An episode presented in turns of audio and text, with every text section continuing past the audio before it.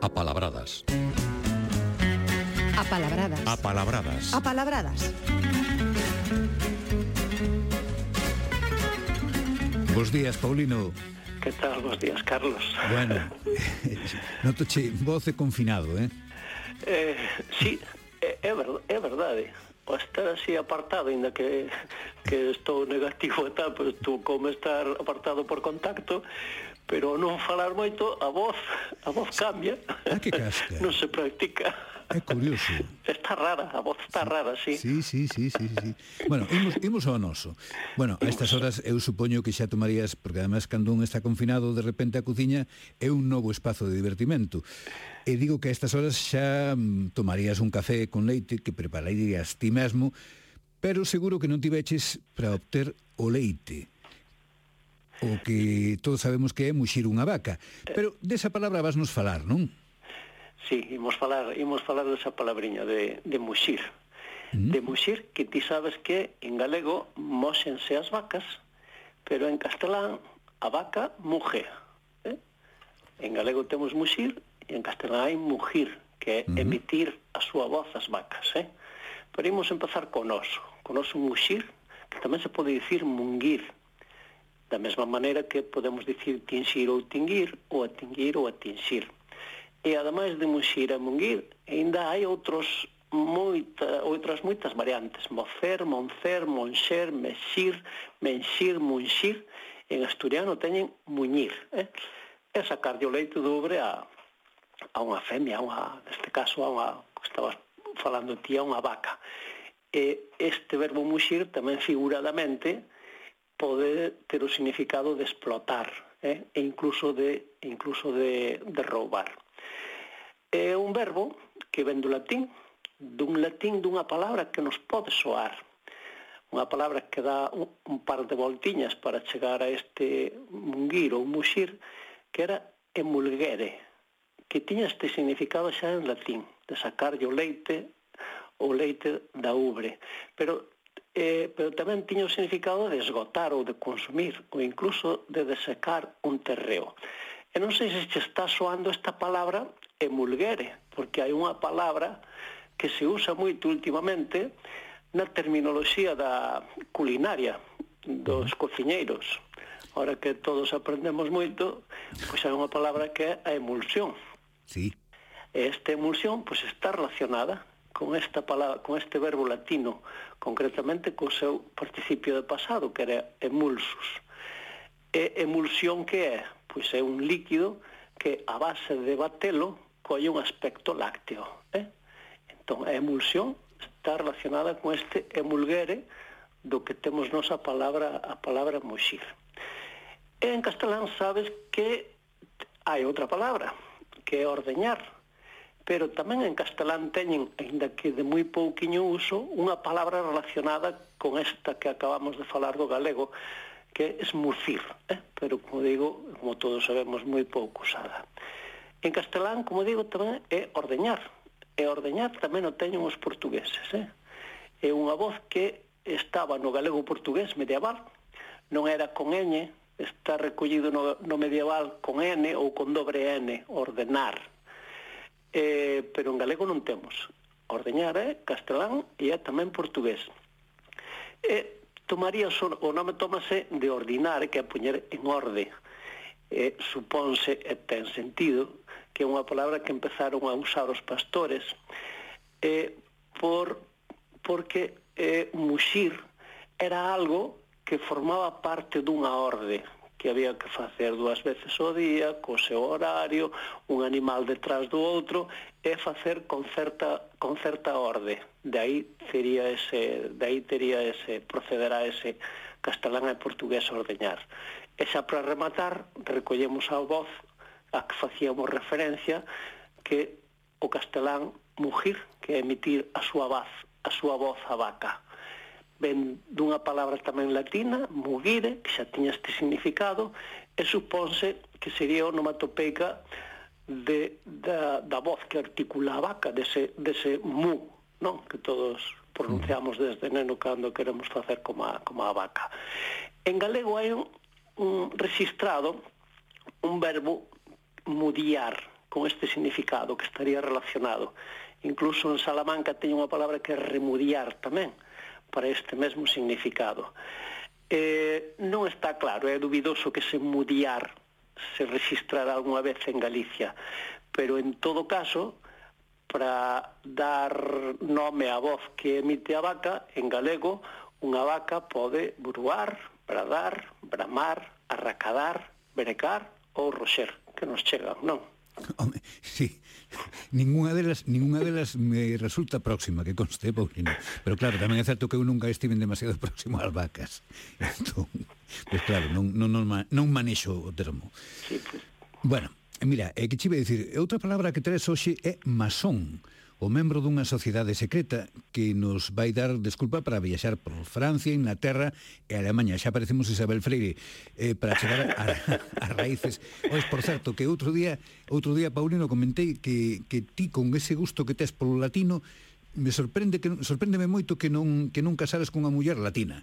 Eh, para, para, eh. para, para reconducir, reconducir todo ese gusto polo latino. Bueno, foi unha broma, nada máis. Sí, foi sí, sí, sí. O oh, latín, aproxímate, aproxímome, eh, vou aprendendo algo e algún día acabaré sabendo algo máis. Pero bueno, como ves, as referencias ao latín sempre son inevitables, porque teño dito xa en alguna ocasión o que, fa, o que falamos é unha evolución do latín. Eh? Uh -huh. Pois, pues, Pero home, eu xa estou, xa estou preparado, nos, xa estou preparado, digo, eh, para ser centurión romano na, Ei, na, así, así, no Nacho, así, eh? así, me, así me gusta, Carlos. Estou, bueno, eu declino que dá gusto. Perdón, Paulino, que me enrollo como sempre con, con outras cousas que non teñen nada que ver. Falábamos das, das raíces de, desta palabra, de masón. Sí, que nos leva por varios países, sabrás que imos facer un paseiño por esta palabra que nos vai dar xogo. O masón, é, como, de, como dicías ti, é un membro dunha asociación ou dunha sociedade secreta que busca favorecer os seus socios ou prestarse axuda mutua. Despois, masón, ao longo da historia, foi collendo acepcións insultivas ás veces, no sentido de antisolidario e, e outras acepcións, non? E masón, propiamente, é unha reducción. A palabra é francmasón -huh. A palabra francmasón ou de masón é unha reducción. E tómase do francés, e agora empeza o noso paseo por aí por outros países. Tómase do francés francmasón, que tiña o mesmo significado. Pero o francés eh, reproducio do original inglés, e en inglés era free mason. Free libre e mason albanel. Eh? Uh -huh. Free mason albanel libre, eh, porque se acollía estas sociedades secretas os privilexios dos que gozaban os gremios dos albanéis. Entón, de Freemason, inglés, os franceses, en vez de free, libre, poñen a palabra franca, de franco. De franco no sentido de libre, que é como a usamos hoxe nos tamén. Eh? Eh, franco é unha palabra que significa libre, liberal, independente. Despois, por extensión, ten outros significados moi bons, como xeneroso, de carácter de trato aberto, sincero, amable, que evita ofender, incluso cariñoso.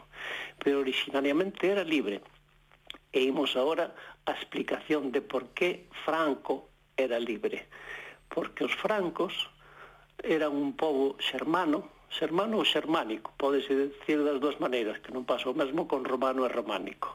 Mm. Pois estes francos, xermanos, invadiron a Galia, e ao invadir a Galia quedaron libres de pagar tributos e impostos, e constituían unha, e aí está o da libertad, o sentido de libres, non?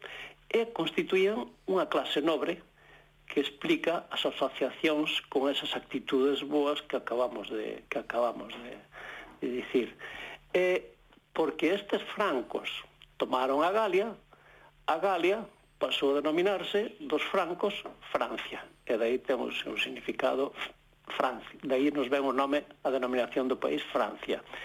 E ainda acabamos con outra con outra palabra que ven tamén destes francos, que é o nome Francisco. Francisco eh, ven dun latín, un latín tardío, serodio, que era Franciscus, que era adxetivo. E como adxetivo tiña o significado de o que era propio dos francos. E despois pasou a ter o significado tamén de francés. E empezou a empregar como nome propio por San Francisco de Asís, que non era francés, que era italiano. E que ademais lle puxeran, parece que cando se bautizou, puxeranlle Giovanni.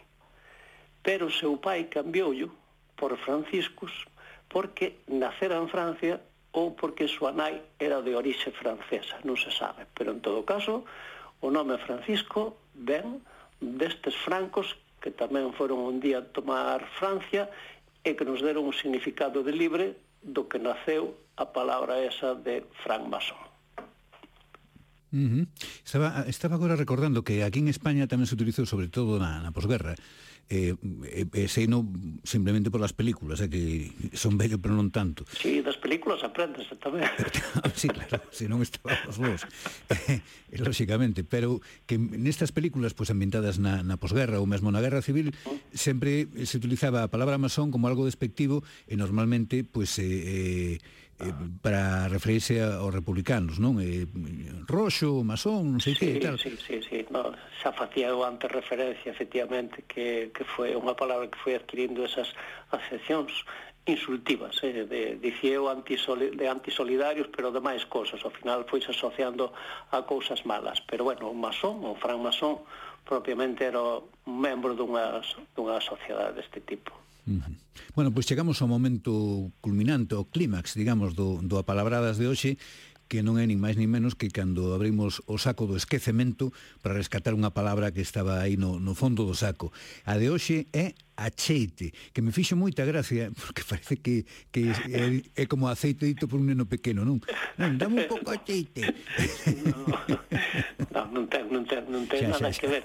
Pero é unha palabra que sí, moi pouco usada, eh? pero sabes que nesta última parte da colaboración traemos esas palabras pouco usadas ou que se usan en algún, en algún sitio pequeno. Eh, aceite úsase só no norte, leste de Lugo, é onde teño eu constancia. Eh? E aceite é un neno pequeno, cando fai cousas de maiores, ou cando pretende ir de maior. Entón chamase a cala aceite. Ou é un neno tamén que quedou pequeno e non medrou moito. Ou tamén aparece co significado de neno que anda mirando o que fan os demais, non? Seguramente pretendendo ser pretendendo ser maior como digo, é no norte, no, nordeste, de, nordeste del Lugo. Pero encontro outra palabra que non ven nos dicionarios, pero que usa Xesús Raba de Paredes, o escritor, que tamén nos leva a esa zona do leste de, do leste de Lugo, é que é axeito. E emprega el axeito tamén como unha forma pexorativa eh, para un neno dentro do pexorativo que se pode que pode ser un neno, non, pero es que como unha maneira de chamarlle a atención a un neno. E eu, además, eh, fa, falando con Xesús, confirmárame que efectivamente é así como, como din eles, axeito. Pero eh, noutros sitios é o axeite. Eh? Un neno pequeno cando, cando eso, cando lle queres reprender algo acheite, eres un acheite, cala que eres un acheite, ainda non eres, ainda non, ainda non és un home. Ah, ah, mira, para eso hai moitas expresións. Eu, por exemplo, de pequeno, eh, dicía, creo que era a miña aboa que dicía, mira este, quen, quen cree que é? Parece da banda dos peitos de lobo. Ah, Sempre me dices, ves, ves, ves. parece da banda dos peitos de lobo está ben, está ben, está ben, está ben. Hai palabras bonitas, pero mira como hai expresións como esta que estás dicindo tamén ti, ti ben bonitas. Ademais, que son bonitas porque eh, din todo, non hai que explicar. Aí eh, está o éxito dunha palabra ou dunha frase, non? Cando non hai que des, dar explicacións, enténdense ben, explican a perfección o que queres dicir, incluso achegando un pouquiño de ironía como, era, como, como no teu caso. Sí, pero ese, ese é un privilexio do, do noso idioma, eh? porque en outros idiomas non é, non é tan clara esa, esa retranca, nin, nin esa clarividencia que temos para entender o que nos está dicindo alguén sen que o diga. Sí, estes, por procedementos, eh, estas ferramentas que eh, eh teñenos todas as linguas de ser creativos e expresivos, pero efectivamente no, no galego, e eso xa non ten seguramente que ver co idioma, sino, sino por como somos nós, pois a, a retranca da, da pé, moitas veces con, con humor, non? Da pé a, a, a creacións de, de acepcións ou de, de sobre unha palabra ou de expresións como esta que acabas de dicir ti, sí.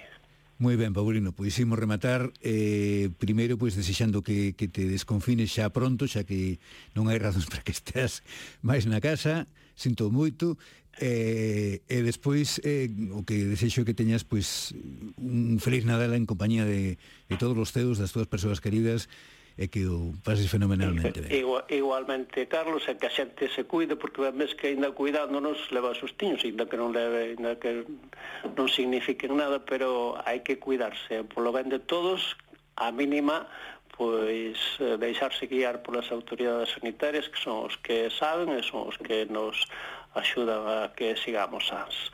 É exactamente igual para ti, pasa boas festas, ti e todos e todas as que nos escoitan. Profesor, unha aperta.